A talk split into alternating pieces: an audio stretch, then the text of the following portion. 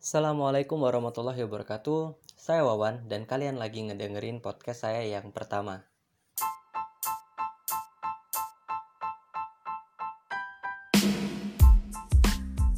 Oke, karena ini podcast yang pertama, jadi saya pengen ngomongin hal-hal yang ringan aja dulu. Dan di podcast kali ini saya pengen sharing pengalaman sekaligus ngejawab salah satu pertanyaan yang paling banyak saya temui waktu saya jadi pembicara di latihan dasar organisasi ataupun di seminar-seminar. Yaitu tentang gimana sih caranya kita bisa pede ngomong di depan umum gitu. Ya, banyak yang nanya ke saya kayak gini dia udah latihan ngomong di depan umum dengan latihan di depan kaca ataupun dengan berbagai trik latihan lainnya e, berhari-hari tapi waktu dia tampil di depan umum dia tetap aja grogi. Mungkin sebagian dari teman-teman juga ngalami hal tersebut dan ada juga yang ngerasa dirinya introvert tapi tetap pengen pede dan lancar ngomong di depan umum. Itu caranya gimana? Uh, saya bukan ahli sih dalam hal public speaking tapi nggak tahu kenapa banyak banget yang nanya tentang hal-hal tersebut. Dan akhirnya saya kepikiran untuk ngejawab pertanyaan tersebut di sebuah podcast supaya lebih banyak yang bisa dengerin jawaban saya dan saya berharap uh, ini bisa bermanfaat bagi orang banyak gitu. Saya bakal mulai dengan uh, nyeritain bagaimana pertama kali saya ikut organisasi gitu. Karena ini berhubungan banget dengan public speaking saya. Saya ikut organisasi dulu waktu SMP pertama kali ya. Saya ikutnya OSIS dan ini bisa dibilang gak sengaja gitu. Bukan atas inisiatif saya sendiri. Nah, ceritanya dulu ada kakak-kakak kelas anak-anak OSIS ya waktu saya kelas 1 SMP keliling ke kelas-kelas uh, yang kelas 1 untuk nyari anggota OSIS untuk departemen kerohanian. Nah mereka nanya ke depan kelas gitu ada nggak sih di kelas ini siswa yang alim? Dan teman-teman saya pada nunjuk saya apakah karena saya alim? Uh, saya rasa jawabannya enggak gitu.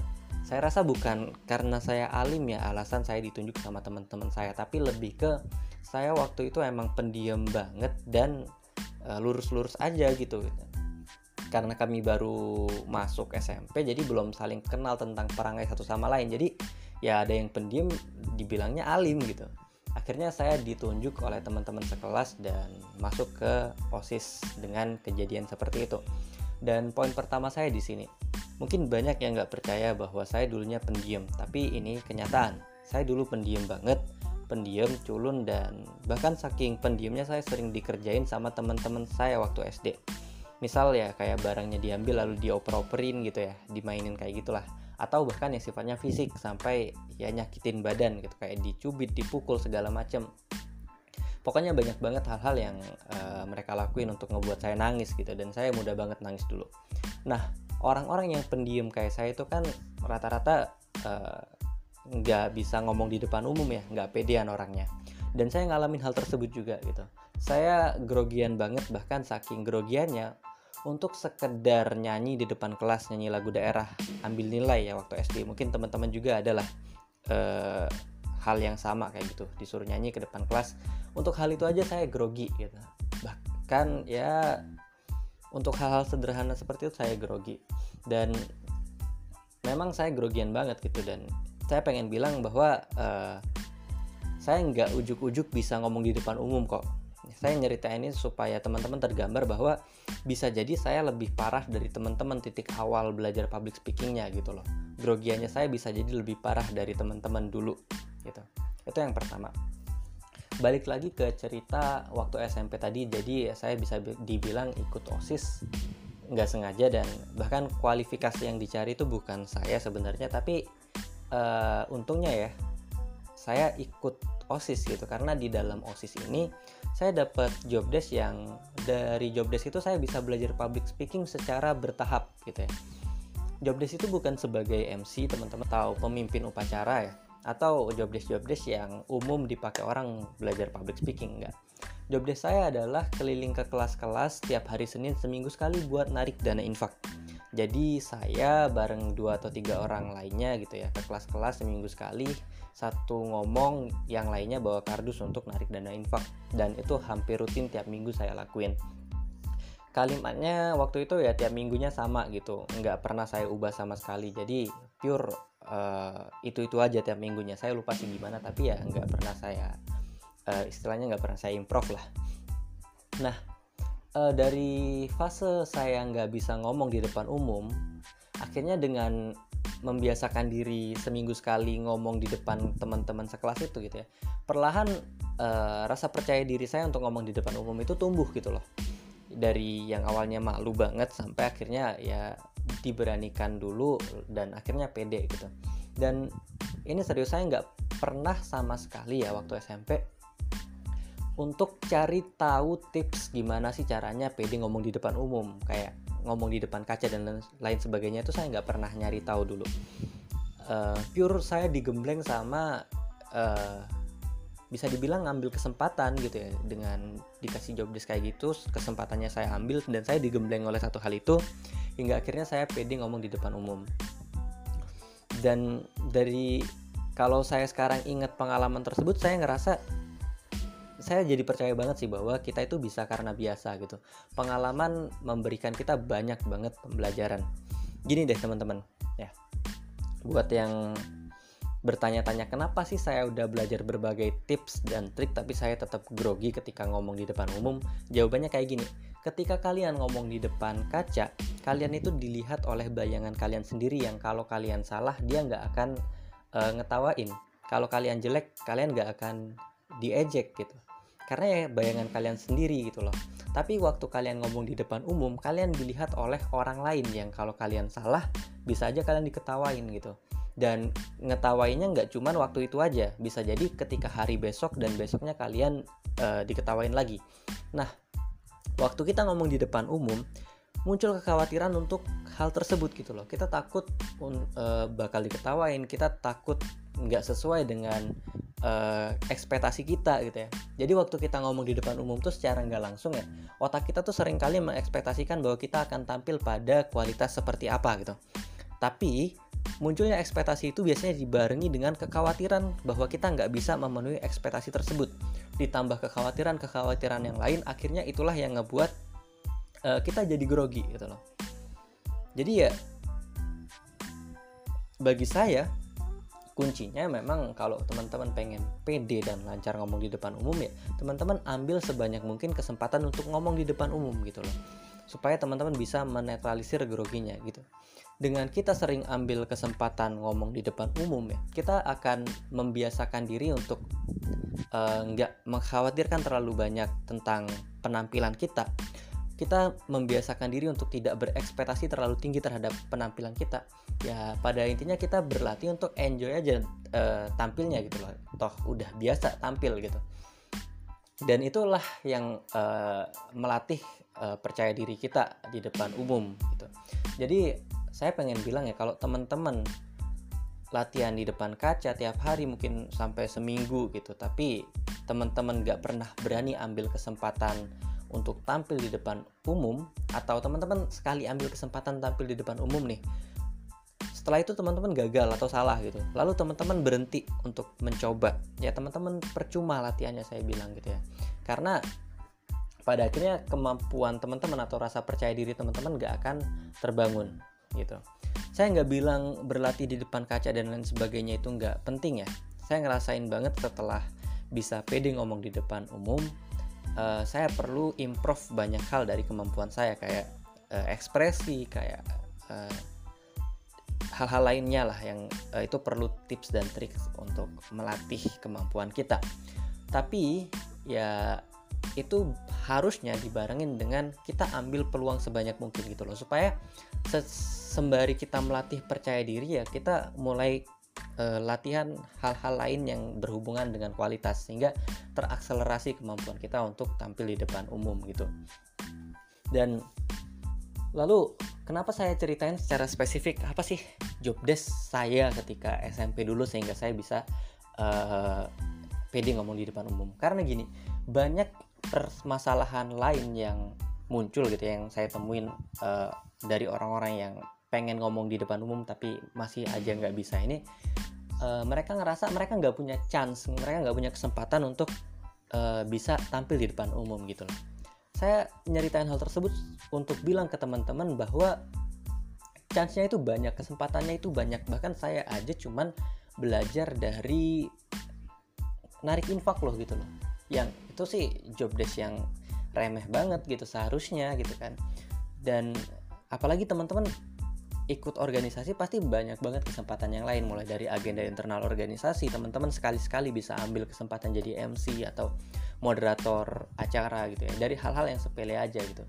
Mulai dari hal yang sepele perlahan-lahan teman-teman tumbuh gitu loh kemampuannya uh, tumbuh uh, rasa percaya dirinya gitu. Jadi pertama ambil yang sepele lalu teman-teman mulai membiasakan diri untuk ngambil kesempatan-kesempatan yang lebih besar gitu. Kayak ya dari pertama cuma jadi MC di internal lalu bisa tampil keluar jadi MC kayak atau teman-teman belajar orasi dan lain sebagainya. Hingga pada akhirnya teman-teman bisa uh, ada di titik ya mungkin jadi pembicara gitu ya. Atau ya bisa jadi apa ya bisa ambil peran yang memang membutuhkan public speaking secara maksimal gitu. Dan di titik itu berarti teman-teman udah uh, bisa dibilang mumpuni lah public speakingnya gitu ya. Teman-teman nggak usah buru-buru untuk bisa ada di posisi tersebut gitu ya. Nggak usah uh, ngerasa dirinya terlambat gitu.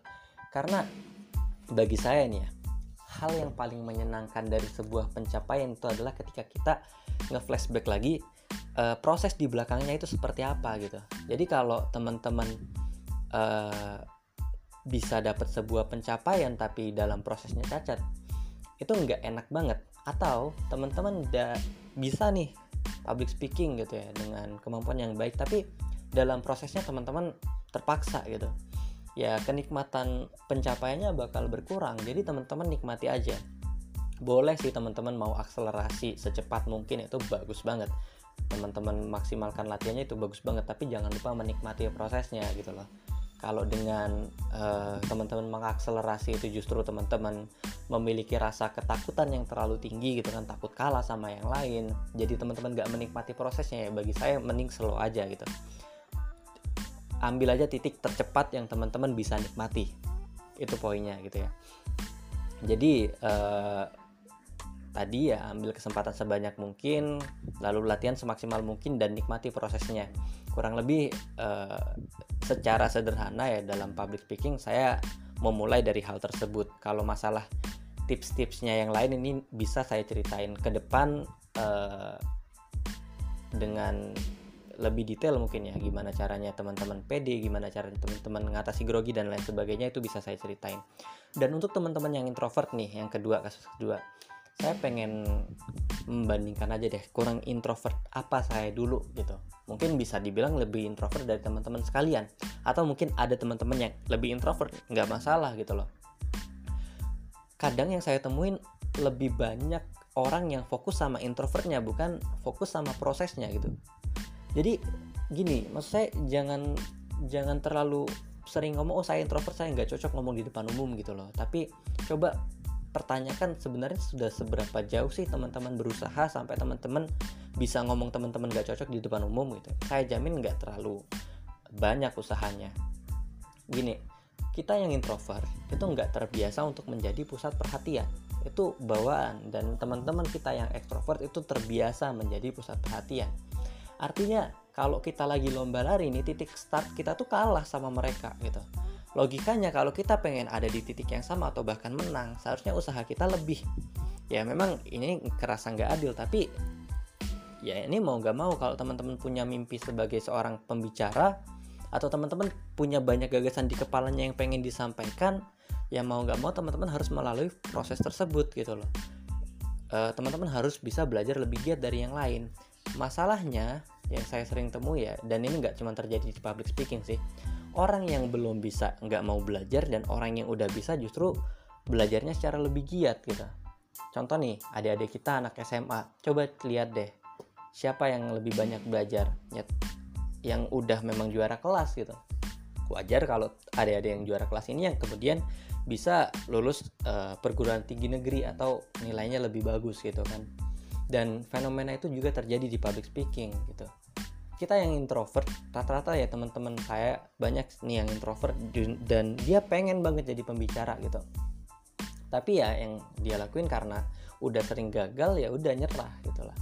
Bahkan teman-teman kita yang ekstrovert pun teman-teman bukan berarti mereka nggak berusaha. Mereka sebenarnya berusaha cuman bisa dibilang porsinya nggak sebanyak kita gitu. Kalau mereka porsinya sama kayak kita ya mereka mereka lebih expert. Itu hal yang wajar gitu. Karena memang starting point kita kalah dan terakhir sih saya pengen bilang kalau teman-teman punya mimpi ya uh, dan teman-teman gak mampu untuk mencapai mimpi tersebut lalu teman-teman nyerah yakinlah sebenarnya mimpi teman-teman itu nggak hilang. Mimpi itu cuma teman-teman sembunyiin di balik ketakutan aja gitu loh. Uh, coba deh review lagi mimpi-mimpi teman-teman ke belakang. Uh, misal kayak pengen jadi juara kelas karena ngerasa nggak mampu lalu ya udahlah aku nggak usah berusaha sekeras mungkin untuk jadi juara kelas. Ketika waktu pembagian rapotnya saya saya tanya teman-teman nyesel atau enggak? Gitu. Walaupun teman-teman udah bilang saya nggak mau ambil posisi juara kelas teman-teman tetap nyesel kan gitu. Karena memang mimpi itu kayak gitu. Mimpi itu nggak bisa ditutup dengan ketidakmampuan. Mimpi ya cuman akan mentolerir kegagalan ketika kita udah berusaha secara maksimal. Artinya kalau teman-teman belum maksimal mimpi itu bakal datang lagi ketika waktunya udah tenggang gitu sebagai sebuah penyesalan gitu. dan ini saya pengen sampaikan buat teman-teman yang introvert ngerasa pengen banget jadi seorang public speaker. Ya kalau teman-teman ngerasa nggak bisa lalu teman-teman ngubur mimpi itu yakinlah sebenarnya mimpi itu nggak hilang. Itu cuma teman-teman pendem di balik ketakutan aja gitu loh. Dan pada masanya teman-teman bakal nyesel. Jadi kalau teman-teman gak mau nyesel ya mau nggak mau ayolah ambil kesempatan sebanyak mungkin mau teman-teman introvert, extrovert ataupun apa pun itu ya. Sama kok kesempatannya gitu loh bisa kok semuanya gitu loh. Tinggal lagi proses yang kita jalani itu maunya seperti apa.